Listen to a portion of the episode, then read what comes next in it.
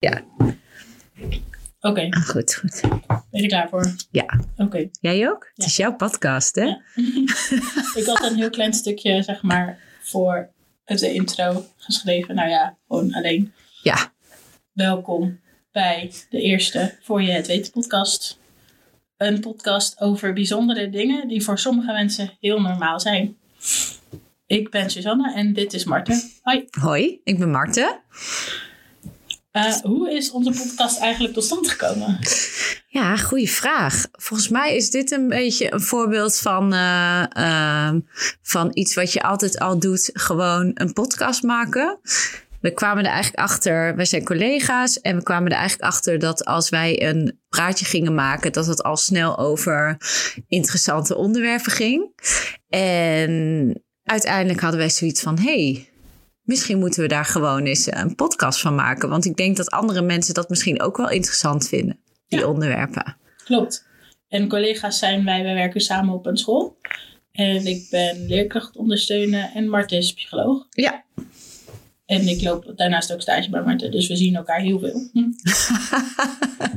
Werk gerelateerd, maar ook dus over dit soort dingen. Ja. Nou, in de eerste dacht ik, ik hou het maar dicht bij het huis, want daar kan je het makkelijk over kletsen. Eh, dus eh, de eerste gaat over, voor je het weet, ben je een third culture kid. Heb je daar wel eens van gehoord? Nou, wat grappig is dat dat voor mij iets bijzonders is, omdat ik dat niet ben. Maar voor jou is dat natuurlijk heel normaal. Ja, En wij vinden het leuk om te kijken, hey, wat is nou voor iemand bijzonder en wat is voor iemand normaal? Of dat dan heel erg van elkaar verschilt of niet.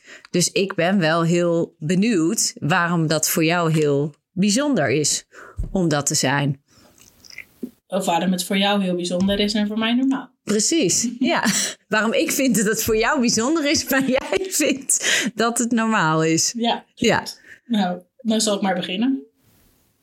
Wat veel mensen van mij weten, omdat ik daar eerst echt super trots op ben. En ik het leuk vind om mensen te vertellen, is dat ik in Zuid-Afrika geboren ben. Mijn eerste zeven jaar heb ik daar gewoond. Mijn ouders komen uit grote families. Mijn vader is een van zeven kinderen, waarvan alleen zijn ene broer nu in Australië woont. En mijn moeder is een van zes kinderen en zij wonen allemaal nog in Zuid-Afrika. Dus ehm, toen in 1998, toen was ik zeven, zijn wij naar Nederland gekomen. En wij zijn dan mijn ouders en mijn oudere zus. Voor mijn vaders werk. Hij eh, is programmeur. En dat was toen helemaal een ding. Er waren er niet zoveel van die de codetaal begrepen. Dus hij had het eigenlijk een beetje voor te kiezen. En eh, uiteindelijk zijn we door een bedrijf naar Nederland gehaald. En mijn ouders eh, zagen ook post-apartheid Zuid-Afrika ehm, als een plek waar mijn zus en ik niet zoveel kansen zouden hebben als dat we in Europa zouden hebben. Dus voor hen was het niet heel moeilijk om die keuze te maken. en hoe hebben ze dat aan jullie uitgelegd? Dat jullie ergens anders gingen wonen? Ja, dat is super snel gegaan. Want eh, mijn ouders zeggen dat ook binnen. Vanaf het moment dat er nog helemaal geen plannen waren, tot het moment dat wij op Schiphol zaten, waren, dat was drie maanden. Dus ehm, ik weet nog dat ze eh, toen, dat is de wintervakantie daar, dus dat is eh, juni of zo Ja, dat zij toen naar, ehm, Ne- naar Europa zijn gegaan. En toen zijn ze in België geweest en in Nederland om te kijken hoe het hier was en of ze hier dan wel of niet zouden kunnen aarden. En eh, dat, ze, dat wij toen bij mijn grootouders waren, dat ze terugkwamen en dat ze toen zeiden van eh, ja, de, dit gaat gebeuren. Ik weet voor mezelf wel dat het, het was natuurlijk geen keuze. Dus Nee. het was gewoon dit is wat gaat gebeuren. Zelf vond ik het heel leuk en avontuurlijk. En ja, ik was zeven, dus dan zijn dit soort dingen altijd wel leuk. Het buitenland zien sowieso. Dat dan... was jij al ooit ergens anders geweest buiten Zuid-Afrika? Nee, Nee. alleen maar in Zuid-Afrika. Ja, Ja, wel zeg maar. Ik heb denk ik wel heel Zuid-Afrika gezien in die tijd dat ik, maar toen was ik ook nog heel jong, dus Ja.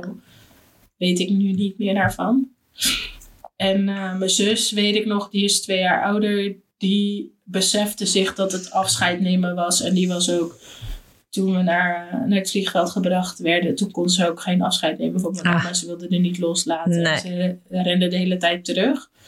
Dus het is wel leeftijdsgebonden hoe je daarmee omgaat. En karaktergebonden, denk ik ook. Mijn Ja. zus is wat meer van de vastigheid en van de mensen die ze kent.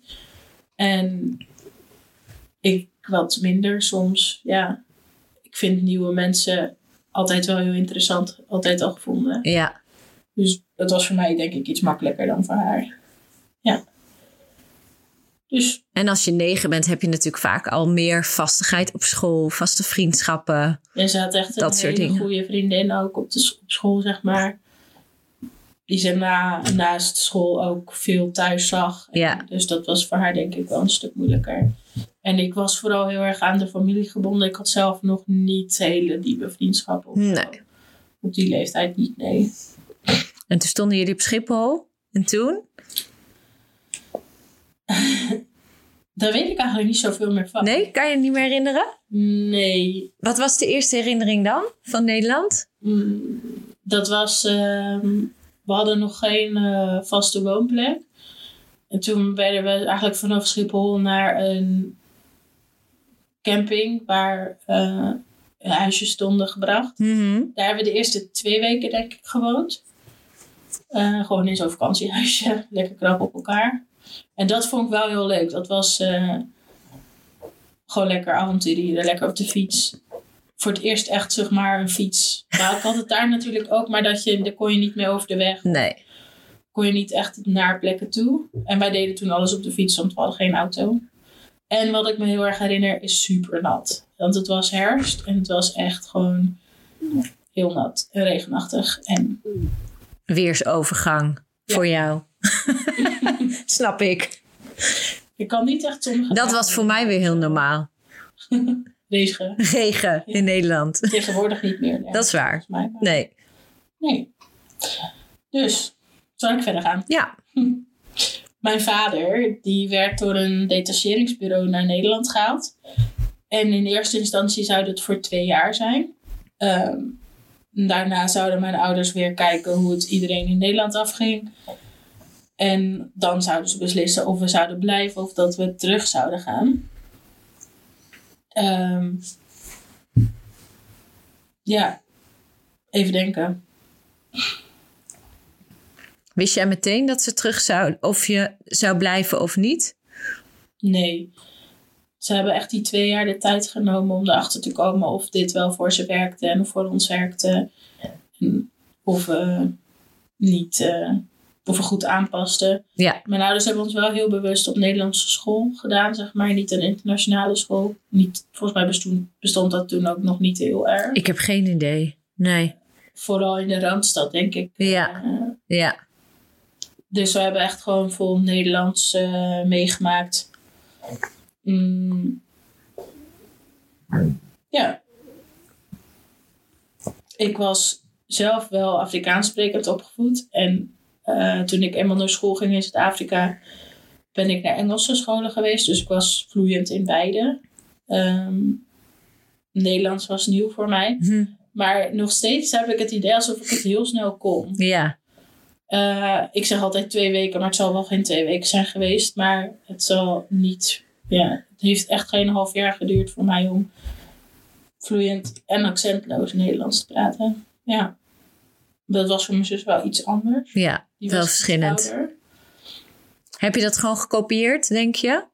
Herken je nu nog wat van hoe je toen leerde, dat je nu ook zo leert?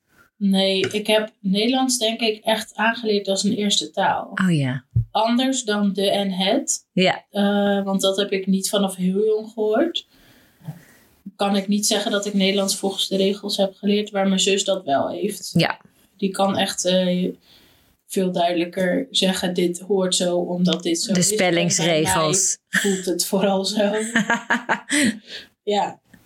Dus ja. En daarnaast kom je natuurlijk in Nederland op de eind jaren negentig aan. En ja, ze kende hier eigenlijk alleen maar Nederlands. Engels was echt al eh, heel veel gevraagd. Zeg maar. Mhm. Dus ja, je moest, we moesten wel. Want als je overging naar Engels, dan verstonden ze je niet. En En hoe was het voor je ouders? Want het is natuurlijk een feit dat kinderen sneller de taal leren dan volwassenen doorgaand. Ik denk dat het voor mijn ouders wel lastiger was. Want ehm, ze werken allebei in internationale omgevingen. Ja. Dus ehm, mijn vader werkt gewoon voor een bedrijf en dan praat ze gewoon Engels. Het zit over de hele wereld. Mijn moeder is juf op internationale scholen. Hoewel ze dat toen volgens mij nog niet deed. Maar ze werkte daarnaast ook niet. Dus ze had niet superveel... Niet die sociale context waarin je dat makkelijker kon leren. Ja. Ja. En eh, ik weet nog dat toen ik... Ik denk dat dat een jaar of twee was nadat we naar Nederland kwamen. Dat mijn moeder had bedacht dat we alleen maar Nederlands thuis gingen praten. En dat mijn zus en ik dachten, ja, dat gaan we niet doen. Ehm, en dat we vervolgens niet meer met mijn ouders praten, maar alleen maar met elkaar in het Afrikaans. Ja. Toen heeft ze het opgegeven na een week of twee. En daarna heeft ze nog Engels geprobeerd. En dat, toen ging het eigenlijk hetzelfde. Ja. En wij hadden zoiets van, ja, wij willen gewoon... Dit is de enige plek waar we dat doen, zeg maar. Ben je dat altijd blijven spreken thuis? Ja. Ja. En we hebben, zeg maar, bij ons thuis is een puurdere vorm dan mijn nichten bijvoorbeeld nu praten. Want die taal is natuurlijk heel erg veranderd. Ja. En die van ons is gewoon blijven hangen in de jaren negentig. dus, ja. Ik eh, vroeg me af, want jij kwam in Nederland, je ging naar school. Heb jij toen, kreeg je toen ook te maken met vooroordelen over jouw immigratie? Ehm, niet, denk ik, wat ik zo jong heb meegekregen. Wel wat ik op latere leeftijd ehm, veel meekrijg. Er is een beetje een tweegang. De, ehm, ik word heel erg eh, gekoppeld aan de apartheid, Mhm. onze immigratie. Dat we daar dus blijkbaar iets slechts hebben, zou hebben gedaan. Of hoe durven we, zeg maar. Dat is vooral de Europese visie daarop. Zelf vind ik dat heel moeilijk, want ik was drie. Dus Ja. toen de apartheid af, twee zelfs, toen de apartheid afgeschaft werd. Dus heel effectief heb ik daar niet aan meegewerkt. Nee. En ik keur het ook zeker niet goed. Ik denk gewoon dat het, zo, dat het gewoon iets is waar je in belandt en dan, weet je wel, door de regering iets opgelegd wordt en eigenlijk ook niet beter weet. Maar misschien mensen die ook niet beter weten, die koppelen dat dus aan apartheid Zuid-Afrika. Klopt. Ja. Ehm, en aan de andere kant is er vanuit daar heel erg het idee dat je gevlucht bent. Zeg maar dat je een brandend schip hebt verlaten en je weet helemaal niet hoe het daar is en, en hoe zwaar ze het wel niet hebben. En daarop is mijn antwoord dan weer: ik, het is ook niet alsof ik die keuze zelf had. Nee. Ik weet niet welke keuze ik had genomen Nee. op die leeftijd, maar ik moest gewoon mee. Ja. Dus ehm, dan moeten ze dat verwijt maar richting mijn ouders maken. Precies. En mijn ouders liggen daar ook niet van wakker, denk ik. Nee, precies. Nee. En zijn er andere grappige dingen waar je tegenaan liep toen je in Nederland kwam? Ik kreeg heel vaak de vraag waarom ik niet een donkere huidskleur had. Omdat je uit Zuid-Afrika kwam? Ja, die kreeg ik. Nou ja, eerst was altijd de vraag, ehm, maar waar in Zuid-Afrika dan? En ja, dus Zuid-Afrika is gewoon een land. Alleen, ik snap dat wel, want Zuid-Amerika is natuurlijk ook een iets wat we benoemen. En die bestaat uit heel veel verschillende landen. Ja. Maar Zuid-Afrika is daadwerkelijk ook echt een land, net als dat Nederland een land is. Ik kan wel uit Zuid-Afrika komen, tenminste uit een ander land. Dat is Lesotho en die zit omringd door Zuid-Afrika. Mhm.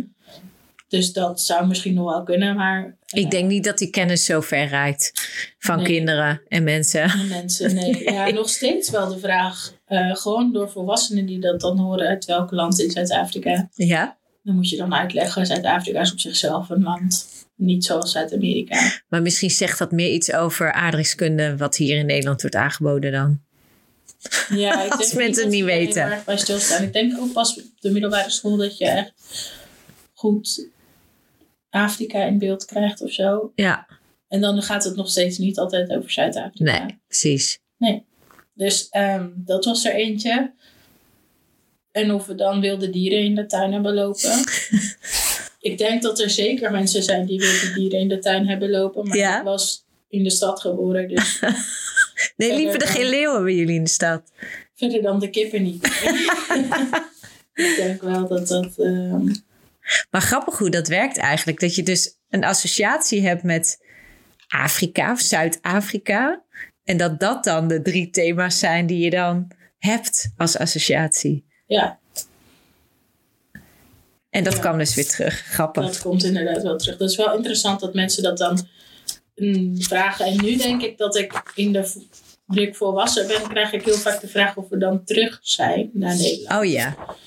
Ehm, nee. Omdat mensen ervan uitgaan dat je dus hier geboren bent. En dan in Zuid-Afrika hebt gewoond. Of, Ja, omdat je blijkbaar niet eh, al generaties daar kan zitten als je Europees bent. Want wie kiest daarvoor? Ik weet het niet. Hmm, onze families komen echt van 300, 400 jaar geleden. ja. En die vraag stellen of wij terug zijn in Nederland is net zo gek, gek eigenlijk als een blanke Amerikaan vragen of die, eh, die in Nederland woont of die terug is. Het, Ja. is. het is eigenlijk net zo lang als dat ze daar zitten, zitten ze in Zuid-Afrika. Ja. Dus het is, gewoon, het is gewoon een hele, het is een cultuur op zich, zeg maar. Het is niet een Europese cultuur. Eh, wel meer westers, maar toch echt wel nog, eh, nog een, een stuk land op zich. ja. Met aparte regels en mensen. Ja. En een andere vraag wat ik heel vaak krijg is in welke taal ik denk of droom. Ehm, weet ik niet. Eigenlijk.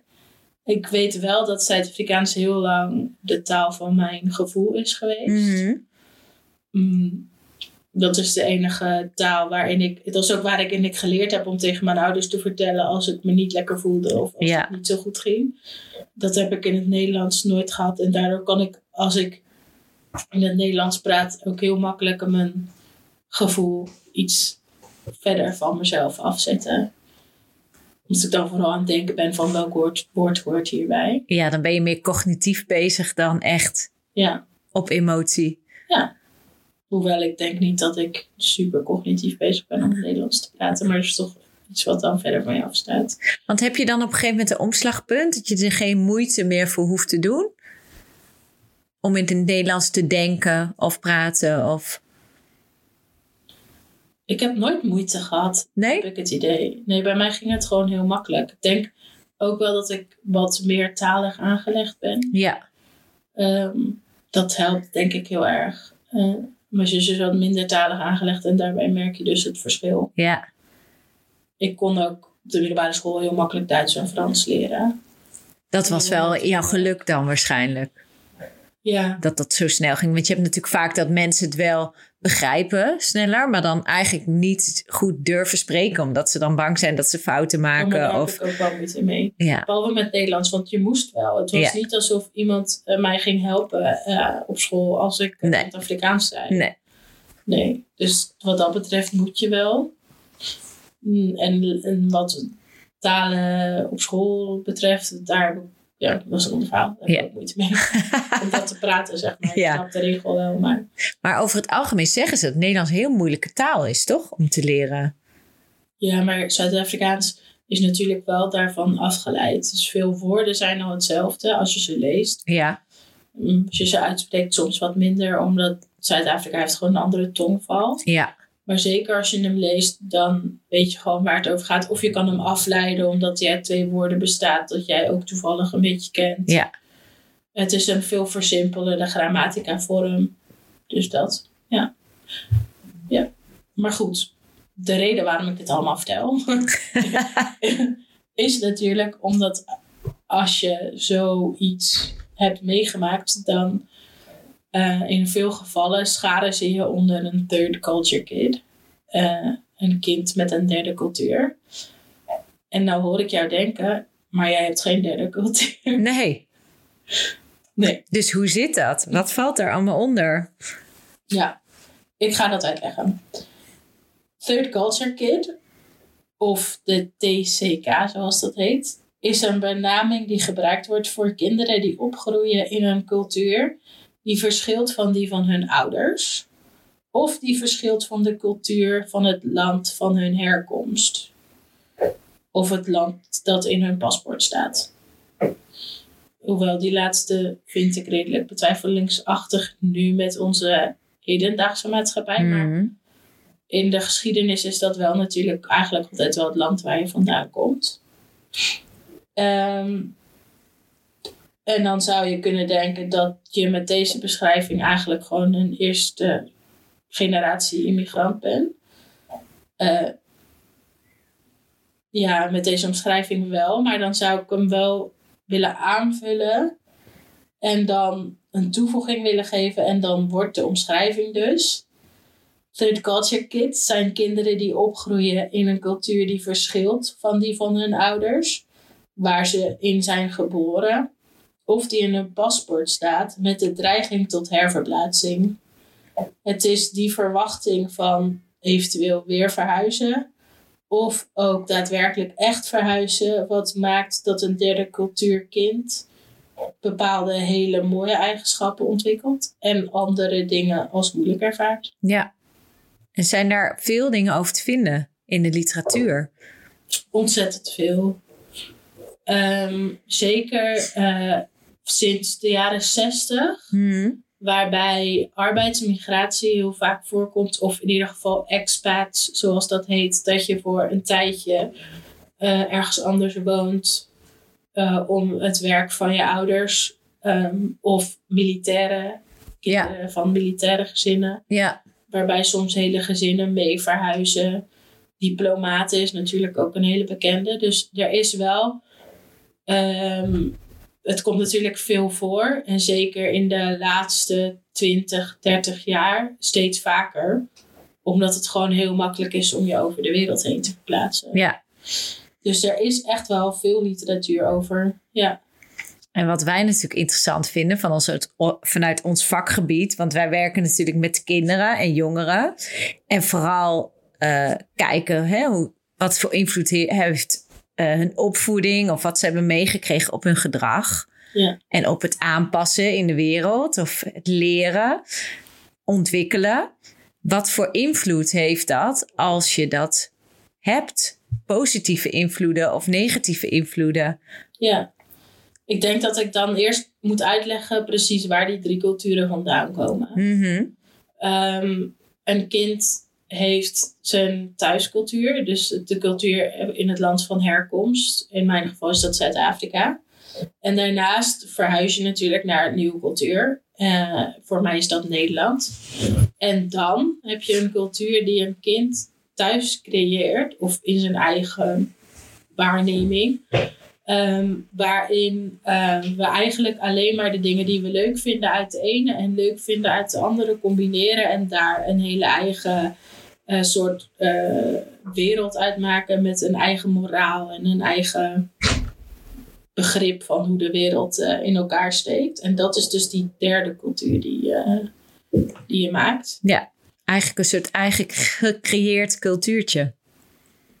Ja, en ik denk dat kinderen daarin, ik denk dat je dat als volwassene maak je natuurlijk heel bewust die, bes- die beslissing om te verhuizen. Mhm.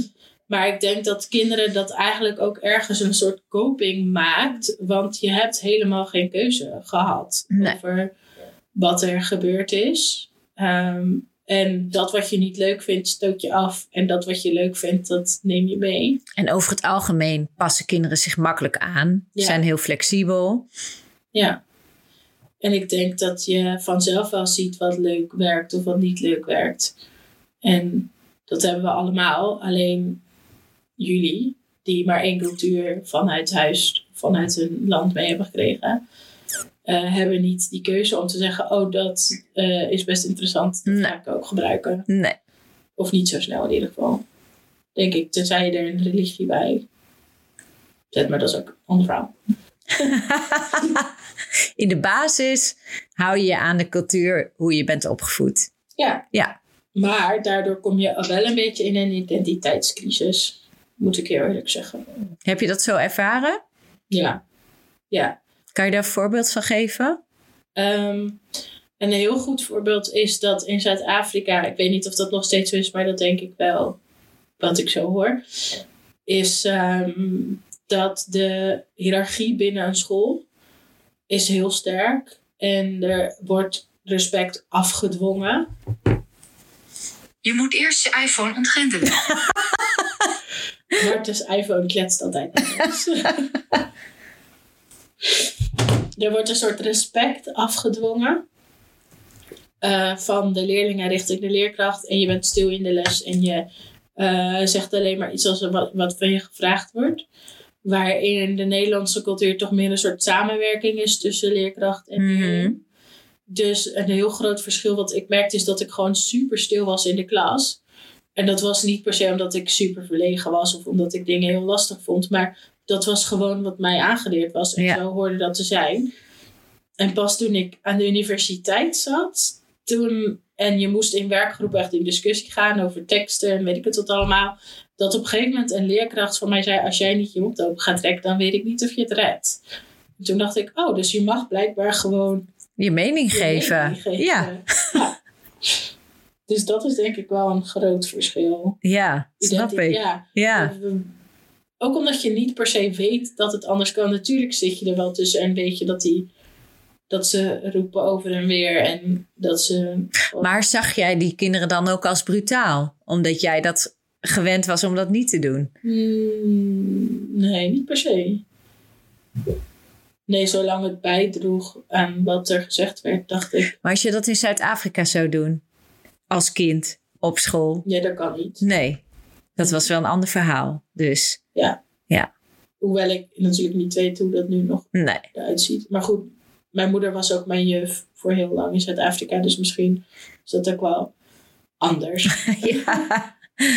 anders geleerd. Maar volgens mij is daar vrij, net als in het Engels, is er een vrij hiërarchisch. eh, Systeem, onderwijssysteem. Ja.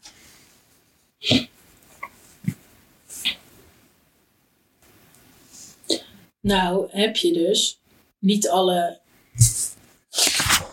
third culture kinderen, zoals ik, die zijn hetzelfde. Ik denk dat we allemaal, dat het ook wel verschilt waar je terecht komt. Ja. Ik denk als je vanuit Nederland ineens in, in een veldziekenhuis, daar gaan je ouders werken, in de middel van de boesboes terechtkomt, dat het een heel ander verhaal is dan voor mij die van Westers eigenlijk naar Westers is gegaan. ja, dan ligt het niet heel ver van je eigen cultuur af, bedoel je? Ja, toch wel heel erg ver. Ja. ja. Maar dus eigenlijk zegt dat wel- misschien ook niks. Wij, waren, wij zijn wel gewoon opgegroeid met een tv thuis. En Ja. eh, mijn vader die deed ook gewoon gamen met ons. En we gingen naar de bioscoop. En we gingen Ja. kleding winkelen. En eh, op vakantie. Dus wat dat betreft is het redelijk hetzelfde. Ja, En ik denk ook dat als je het mensen zou vragen die allemaal derde cultuurskinderen zijn, dat de een het echt als toevoeging ziet. En de ander het vooral als heel vervelend. ja. Zou dat er ook mee te maken hebben hoe makkelijk je die overgang hebt kunnen maken? Of hoe lang het duurde voordat je een beetje geaard was, zeg maar? Ja, en ik denk ook de mate van steun die je gehad hebt. Ja, Ik denk wat voor ons ook he- heel fijn is geweest, dat het eerste half jaar. ehm, mijn vader die had wel werk, maar geen werk. Ze konden hem nog niet ergens plaatsen. Dus hij is thuis geweest. En mijn Mhm. moeder ook.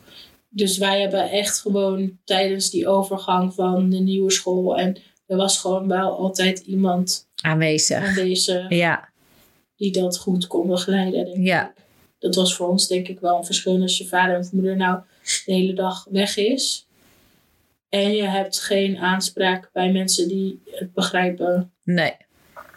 Ja, Als je basis als gezin goed is of stabiel is, dan heb je natuurlijk altijd wel iets om op terug te vallen. ja. Ja. en wij hadden ook wel het, voordeel dat een maand voordat wij kwamen kwam een neef van mijn vader.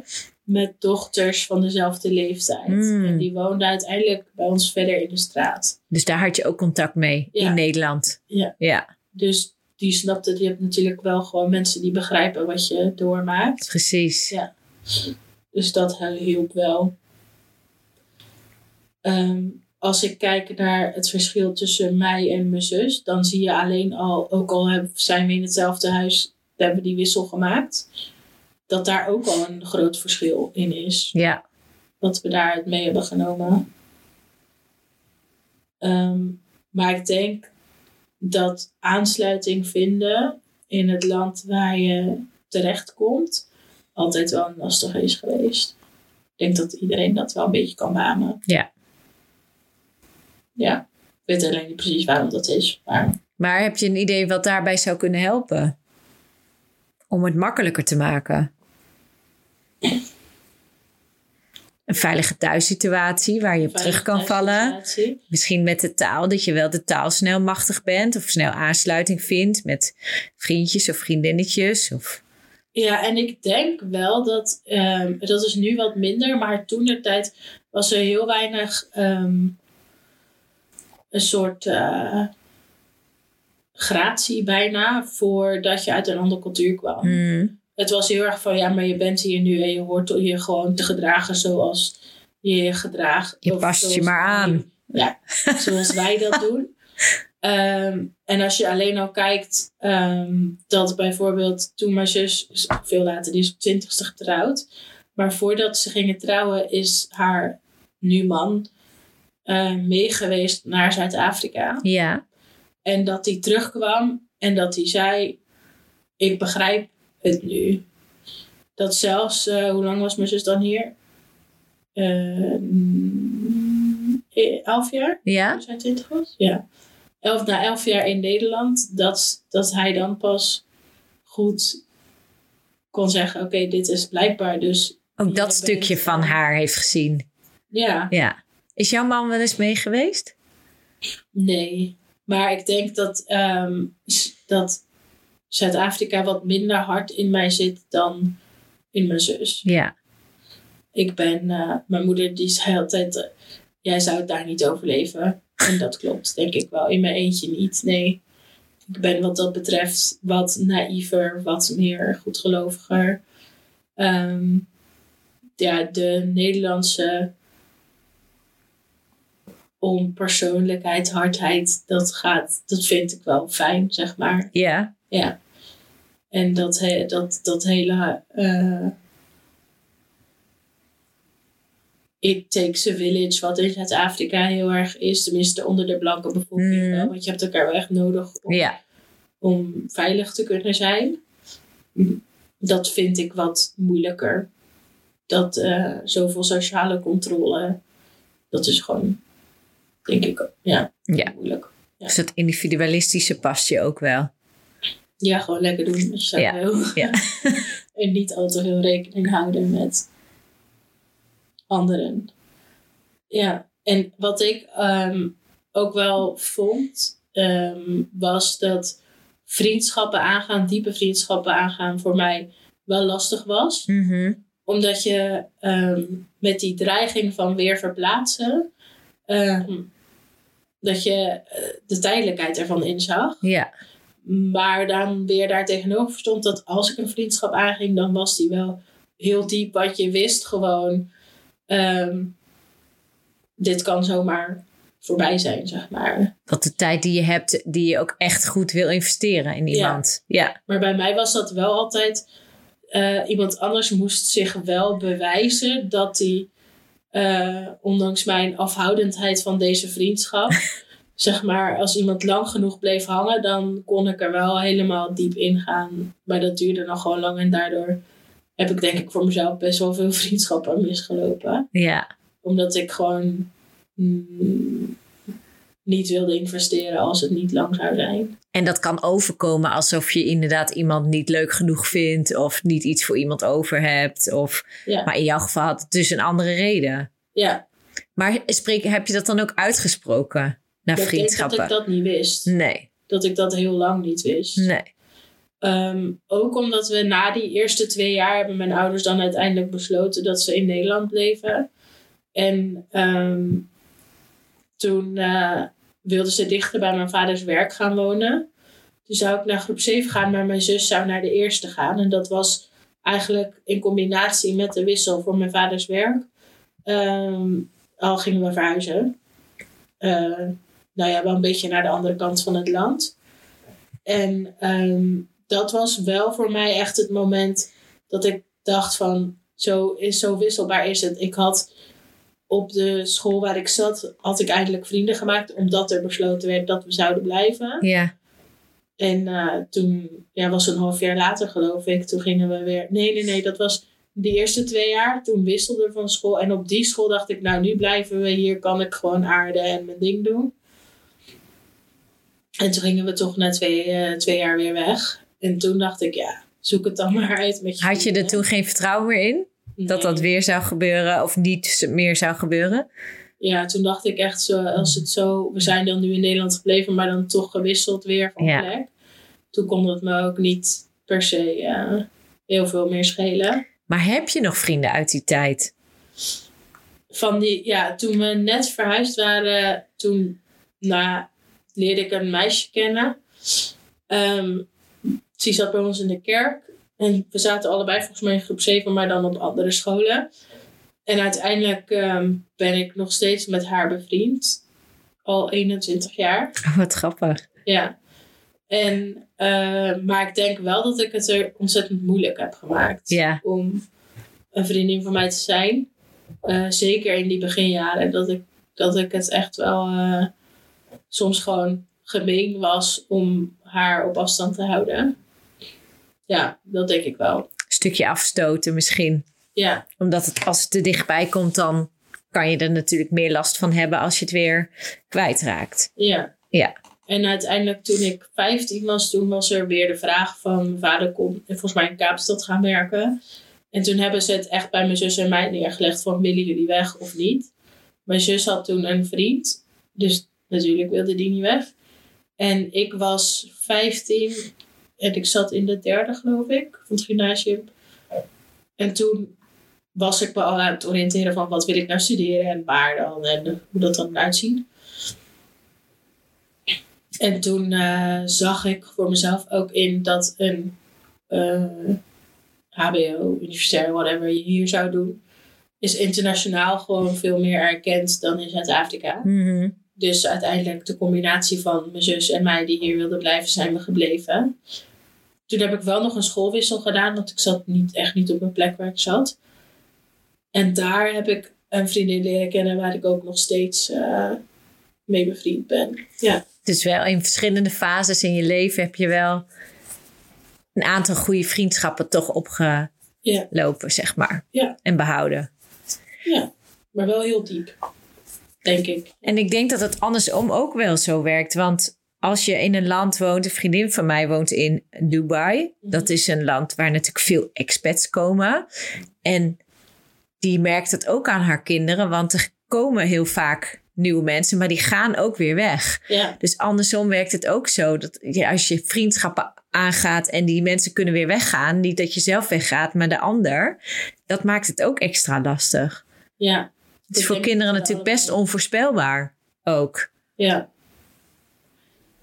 Ja, en het is ook geen pleidooi voor ouders om je hele hebben en je houden op te pakken en naar een ander land te gaan. Maar het is wel iets wat je een kind aandoet, zeg maar. Wat eh waar diegene dan zelf niet voor heeft gekozen. Nee, waar het in mee moet. Ja. Maar goed, ik bijvoorbeeld zie mijn third culture kid zijn schap, hoe dat ook mag heten, Mhm. eigenlijk niet als iets negatiefs. Nee, Nee. Want je leert echt ontzettend flexibel zijn. Er zijn gewoon een aantal dingen.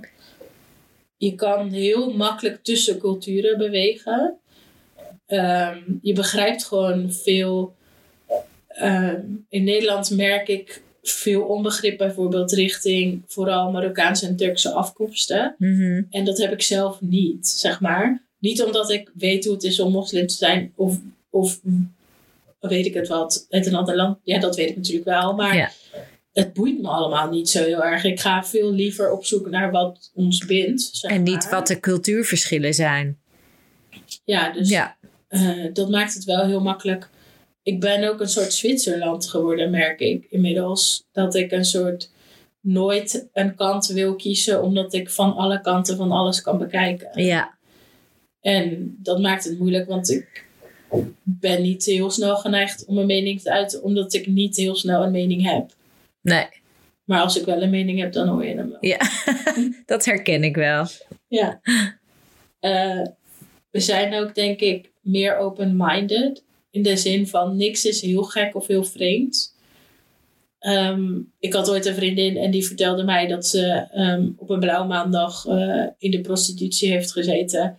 Nou, daar schrok ik echt niet van terug. Dat ik dacht, oké, nou, leuk voor je. Denk Wat voor een ander misschien als heel heftig klinkt. Ja, of um, als mensen, uh, weet ik het wat, transgender zijn of non-binair. Maakt mij eigenlijk niet zoveel uit. Uh, of als je een heel sterke mening ergens over hebt. Ja, als dat je mening is, dan is dat je mening. En heeft dat denk je met jou te maken of met je achtergrond? Beide, denk ik. Nou, ik denk wel dat als ik de een niet had gehad, dat de ander Ja. niet zou zijn. Dus Dus het dat heeft je wel gevormd totdat je zo in het leven kan staan ook. En dingen benadert. Ja. Ja. en ook omdat ik gewoon ontzettend veel heb moeten vragen: wat bedoel je nou eigenlijk? Dat je gewoon heel eh, erg merkt dat je als mens geneigd bent om veel dingen in te vullen. Mhm. Maar als je er echt naar gaat vragen, dan kom je erachter dat er misschien een hele andere beweegreden achter zit. In communicatie met mensen bedoel je? Ja. Dus dat je dan, ehm, als, je, als je tien keer aan iemand hebt gevraagd, ehm, hoe zit dit nou eigenlijk? En er komt tien keer uit dat wat jij dacht dat het was, dat het dat niet is. Dan leer je vanzelf wel niet meer in te vullen voor Nee. anderen. En er dus vanuit te gaan dat zolang je niks hoort, dat het dan wel oké is of niet. Ja. Ehm, maar dat het vaak niet de reden is wat jij dacht dat het zou zijn. Dat denk ik wel. En dat heeft, denk ik, met heel veel aspecten te maken. Maar ik denk dat dit daar ook heel erg bij heeft geholpen. Dat je gewoon een cultuur soms niet begrijpt. Nee. Ja. Voor mij in ieder geval. Ik vind dingen niet zo snel gek. Best veel voordelen eigenlijk. Heel veel voordelen. Ik ga door. We hebben meer empathie. Ehm, ja, omdat je een soort eh, ehm, achter mensen beweegreden moet komen. En Ja. je weet dat je zelf met je eigen verhaal komt en dat iemand anders met een eigen verhaal komt. En ehm, ehm, dat mensen gewoon vanuit zichzelf niet slecht zijn. eh, en alleen maar goede bedoelingen hebben. Over het algemeen, tenzij je 1% psychopaat bent. Maar Je kijkt Dat- meer achter het gedrag. ja. Ja. En je wil ook gewoon heel graag anderen begrijpen. Want Ja. anders dan pas je niet. Nee. Uh, of dan kom je niet lekker mee, denk ik. En ja, dat denk ik wel. Dat je daardoor ehm, meer begrip ook hebt voor, voor iemands verleden. Als iemand het moeilijk heeft, dan weet je gewoon, oh, dus kan misschien wel iets meer achter zitten dan dat jij nu boos wordt omdat je potlood gebroken is, zeg maar. En ken je ook andere derde cultuurs kinderen of mensen waarbij je dat herkent? Dat ze dezelfde positieve eigenschappen daardoor hebben ontwikkeld? Ja, ik denk bijna iedereen die ik ken, eh, die derde cultuurskinderen zijn, die kunnen dit wel beamen. eh, op meer of mindere mate. Ehm, denk ik wel dat ze kunnen zeggen dat als er positieve dingen aan zijn, dan zijn deze dingen het wel. Ja. Ja. En natuurlijk dat je twee of meertalig bent. Eh, ik zie dat als een voordeel. Ja, Ik denk niet dat iemand dat als een geen voordeel ziet. nee. Of drietalig, Of drie talen. wat jij bent. Zes talen. Ja. Weet je, er zijn sommige mensen die gewoon om de twee jaar ergens anders zitten en daar ook maar gewoon eh, hun ding moeten doen. Ehm, hoewel tegenwoordig veel op internationale scholen bewegen, maar je krijgt daar dan toch eh, les in de taal waar je zit. Want dat is gewoon deel van het onderwijsprogramma. Maar heb je daar nu ook voordeel van in je werk? Bijvoorbeeld of in je studie gehad dat je ook Engelstalig bent opgevoed? Zeker. Ik heb Engels gestudeerd natuurlijk. Nou, hoewel dat echt geen voordeel was dat ik, Nee? dat ik eer- eerste taal Engels sprak. Want toen kreeg ik grammatica. En op de middelbare school kon ik daar wel een beetje doorheen. Want Mhm. weet je, dan wordt er gewoon gevraagd: vul in eh, zijn. En dan moet je op de juiste manier vervoegen. Nou, dat voel je gewoon. Maar toen ik eenmaal Engels studeerde, moest ik grammatica ook echt gaan uitleggen van waarom is het dan deze vorm. Ja, En ik weet nog, ik en een ander meisje die uit Kenia kwam, ook als derde cultuurskind, wij faalden echt dat vak. Ik denk dat ik hem drie keer heb moeten herproberen. dat lukte gewoon niet. Maar ik denk dat dat bij heel veel Nederlanders met de Nederlandse taal ook zo is. Ja. Maar jullie krijgen dus tenminste vanaf de middelbare school wel die, die regels mee. En dat is in Zuid-Afrika anders. Uh, nee, ook, denk ik. Maar ik ben er natuurlijk niet geweest. Nee. En ik kon in Nederland, die toetsen zagen er niet uit dat ik een regel moest gaan toepassen. Nee. Ik kon gewoon zien, oké, dit is een verleden tijd en dat, de, zo ziet die zin er dan uit. Ja. Gewoon letterlijk vertalen. Uh, en op de universiteit moest ik ineens naast die letterlijke vertaling ook zeggen waarom dat dan die vertaling moest zijn. Dus toen viel ik wel heel erg uit, ja. Maar uiteindelijk wel gered en goed gekomen. Ja, dat was gelukkig maar één vak dat niet goed ging. Ja. En ik denk dan in het verlengde van de talen is dat we ook heel goed zijn in communiceren. Tenminste, de meeste van ons. Ja. Uh, omdat je inderdaad gewoon goed moet weten wat iemand anders nou bedoelt. Of je het wel goed begrijpt. Uh, of dat je het niet vanuit je eigen culturele inzicht ineens super beledigd bent. Of ineens iemand anders beledigd hebt omdat je gewoon niet begrijpt hoe dat dan werkt in Nederland. Dus je moet meer checken. Je hebt jezelf aangeleerd om dingen te checken. Ja, en om te zeggen wat je bedoelt. Ja. Ik denk dat dat is een van mijn grootste frustraties in deze wereld. Is dat we allemaal gewoon niet zeggen wat we nou precies willen. Maar er allemaal een beetje omheen draaien met beeldspraak. En weet ik als wat allemaal. Dan kom ik aan het eind van de dag thuis en dan snap ik er nog niks nee. van. Um, en de volgende dag kan het weer helemaal anders zijn. Daarom. Ja. ja dus gewoon taal letterlijk gebruiken. Ja. Ja. Ik denk dat de oneenigheid die ik met, uh, met mijn man heb daarover, dat is denk ik wel op zijn manier van taal. Ja. ja. Kun je nagaan, ook na zoveel jaar nog, ja. dat je dat nog steeds hebt. Ja, dan denk ik, wat bedoel je nou precies? Wat wil je? Ik snap het niet. En dan snap ik het wel, omdat ik hem ken. Ja. Maar dan zeg ik ook nog tegen hem, jij zegt nu niet wat je bedoelt. Daar moet je Ja. moet veranderen. Ja. Ja. Alles moet worden aangeleerd. Alle afzonderlijke stukjes. Ja. Ja. Je moet gewoon taal gebruiken waar taal voor is. Ja. Ja. En zijn er ook nadelen, denk je? Of heb jij nadelen ervaren? Eh, ja. Ik weet niet zo goed waar thuis is. Ehm, ik denk dat ik inmiddels door de jaren heen, als mensen mij vragen waar voel je je nou thuis, dan is mijn antwoord daar waar de mensen zijn van wie ik het meeste hou. Mhm. Ehm, voor mij is dat natuurlijk aan de ene kant mm, bij mijn man, maar ook mijn zus, mijn ouders en de kinderen van mijn zus vind ik heel belangrijk. Ehm, dus dan zou ik zeggen Nederland, want die zijn allemaal in Nederland. Maar gaat er één verhuizen, dan heb ik gewoon een gespleten persoonlijkheid en dan weet ik niet waar thuis is. Nee. Dus ehm, dat vind ik wel lastig dat je, je weet natuurlijk wel je origine en je roots en je geschiedenis. Maar echt een plek waar je thuis voelt is heel lastig. Mhm. En daar is dan weer een positief van dat je eigenlijk wel vrij snel overal wel thuis voelt. Dus ja, dat is wel. Ja. ehm, waar ik niet zoveel last van heb, maar denk ik andere mensen wel, is dat ze één vragen of je, waarom je geen accent hebt. En aan de andere kant, als je wel een accent hebt, dat ze dan niet zo goed weten waar je dan wel vandaan komt. Nee. Zeker in mijn Engels, daar klink ik gewoon heel Afrikaans. Dan heb ik gewoon de volle Afrikaanse accent. En veel mensen denken dat ik dan uit Australië kom of uit Nieuw-Zeeland. Want die ligt wel dicht bij elkaar. Ja.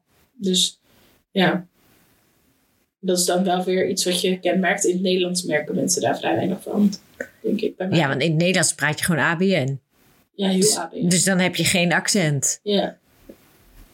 En ik denk ook wel dat ik daardoor... Ik ben wel accent ongevoelig. Ja. En ook als mensen bijvoorbeeld... Als er iemand in mijn omgeving heel makkelijk vloekt... Dan ben ik ook niet iemand die dat heel makkelijk overneemt. Nee. Wat ik heel fijn vind. Dus ik neem niet zo heel makkelijk taaldingen van anderen over. Ja. Dus ik denk ik als je alleen maar Nederlands praat... Dat het veel makkelijker is om mee te praten met de mensen. Mhm. Zien we ook bij de leerlingen soms, toch? Ja. Met de straattaal. Met de straten, ja. ja. Eén ding wat ik ook wel interessant vind is, en ik weet niet of dat een negatief is, ik denk dat in Nederland dat een negatief, als een negatief iets ervaren wordt, is dat we niet over koetjes en kalfjes kunnen praten. Daar hebben we gewoon geen tijd voor. Want over twee maanden zijn we weer weg. Mhm. En dan moet jij precies weten hoe ik me voel. En dan ga ik het je niet met je over hebben over of de zon wel of niet lekker schijnt vandaag. Dat vind ik niet belangrijk. of dat je zus gisteren is geweest, vind ik wel leuk voor jou. Maar Ja. dat, eh, of dat je kind, weet ik wat, een strijkrouw in zijn neus heeft gestopt. dat is vervelend voor je kind. Maar daar hoef je het niet met mij over te hebben. Nee. Dus niet per se. Maar is dat dan ook anders in de communicatie met bijvoorbeeld iemand die in Nederland is opgegroeid of iemand die inderdaad ook een derde cultuurskind is? Merk je daar verschil in? Ja, ik merk wel dat, ehm, dat we wat sneller tot de kern komen. Niet zoveel ge, geouwe hoer, zeg maar. Niet eromheen praten. Ja, Ja. ehm, en dat we daarnaast wel eh, misschien soms in het, de categorie van oversharing vallen. Mhm. Dat we heel snel ons alles blootgeven, want dit is de tijd die we hebben en je moet me wel of niet leuk vinden. Ja. Of je moet alles van me gezien hebben om te bepalen of je me wel of niet leuk vindt. Ja. Dus dat je heel snel tot, tot hele diepe discussies, filosofische vraagstukken komt. In plaats van ehm, de boerenprotest of zo. Weet je? Of het afstastende stuk om te kijken van hè, tegen wie vertel ik het wel of niet. Ja, Ja. ja, misschien wel. Ja. Of dat we gewoon liever niet praten dan wel. Als je niet oprecht interesse hebt, dan hoef ik ook niet per se met jou een heel gezellig praatje te praten maken over eh, de WK-voetbal. Nee, je wil een relatie opbouwen of gewoon Of niet. het neutraal houden. Ja, of Ja. samenwerken. Ja, en gewoon heel functioneel communiceren. Ja. Hmm, verder dan dat, je hoeft me ook niet mee te vragen om dit weekend met je uit te gaan. niet per se. Nou ja, dat kan, maar dan, dan is er wel een soort eerst een verwachting van... ik wil best een vriend van je zijn, maar dan moet je wel een stuk voor jezelf blootgeven. Ja. En lang daarop wachten, heb ik geen zin in. Nee. En ik denk dat anderen dat bij mij kunnen ook mee eens zijn. Het is of gewoon Het zou wel grappig zijn om dat eens aan je vrienden te vragen. Wat? Of ze dat herkennen. Ja, ik ben, wel, ik ben best wel een stalkerige vriend hoor. Ja? Ja. Hoewel ik daar de laatste jaren veel makkelijker mee omga. Maar als ik, iemand, als ik echt iemand in mijn leven wilde, dan moest dat nu en dat moest snel. Ja. Ehm, en dan voelde ik me heel erg afgewezen als dat niet gebeurde. En dan ging ik gewoon weer verder. Maar de laatste Misschien ga je dan sneller dan de ander. Ik Ja. denk dat het daardoor komt en dan gaat het scheef lopen natuurlijk. Ja, klopt. Ja. Maar de laatste jaren heb ik wel wat meer dat ik denk, weet je, het moet soms ook gewoon een keertje van een ander. Ik kon ook gewoon in mijn uppie vriendschappen onderhouden. Ja. Ja, dat En nu hoeft dat niet, eigenlijk niet meer, hè, die snelheid. nee. Dus dat is wel bijzonder dat, je dat, dat het dus nog wel in zit. Ja. Ja. Dan moet ik mezelf heel bewust van maken dat het niet Ja. snel hoeft. Nee. Dat je ook best twee jaar daarover kan doen. Voordat Ja. Je, Of als je iemand een paar weken niet ziet, nou, dan pak je het daarna weer op. ja. Ja. Dat dat ook normaal kan zijn. Dat het ja, niet... maar daar zijn we ook wel goed in hoor. Want eh, mijn nichten bijvoorbeeld. Ik heb een nicht die is twee dagen ouder dan ik.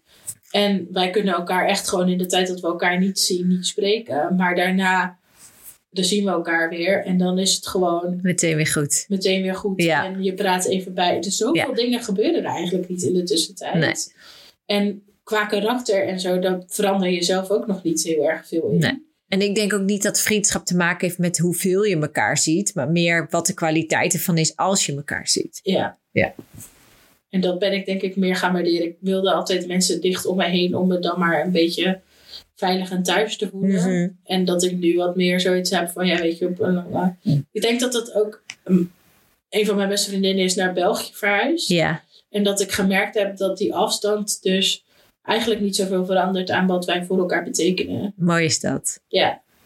En voor die tijd was dat voor mij altijd wel een soort afknapper. Ja, dus nu heb je ook ervaren dat het ook zo wel kan. Ja, hoewel ik wel weet van third culture kids die op lange afstand ook gewoon prima relaties kunnen onderhouden en helemaal niet bang zijn. Maar voor mij was het echt een alles of niets. Als je in mijn buurt bent, dan moeten we gewoon Ja, de beste vrienden zijn. En als je er niet meer bent, dan ben je er ook niet meer. maar ik denk dat je op een gegeven moment ook de dat het positieve daarvan moet ervaren. Als jij een paar keer gaat ervaren dat het wel zo kan, Ja. dan verandert jouw idee of gevoel daar natuurlijk ook weer bij. Ja. ja, dus dat is wel. Ik denk wel dat ik dat als een negatieve heb ervaren. maar. Mhm. In feite hoe moeilijk je relaties onderhoudt. Ja. Ja. En ook omdat voor mij. ehm het is iets wat ik eigenlijk nog nooit echt heb uitgesproken. Maar ehm, ik was altijd heel erg geïnvesteerd in, in mijn familie en mijn nichten in Zuid-Afrika. En als ik ze dan weer zag, dan is hun leven doorgegaan. Mhm. En die van mij, die is, heeft stilgestaan. Want zonder hun was ik niks. Dat je alles daarop hebt gericht. Ja, Ja. dus dan ehm, zaten er zo twee jaar tussen. En dan heeft die een relatie met die gehad. Of dan is die eh, ineens eh, nationaal kampioen turnen geworden. En het enige wat ik voor mijn idee heb gedaan... is mijn adem ophouden tot het moment dat ik ze weer zag. En nu? Hoe is dat nu? Nu merk ik bijna dat het half andersom is. Ja. dat ik gewoon, weet je, dit is mijn leven en ik heb hiervoor gekozen. En ehm, dit is wie ik ben en wat ik wil. En ehm, dat eh, ik ook gewoon veel meer mezelf daarin tot ontwikkeling heb laten komen als een, eigenlijk als een halve, nou ja, ik zou bijna zeggen 80% Nederlander. Ja. En dat ik dan veel terugkrijg van hun.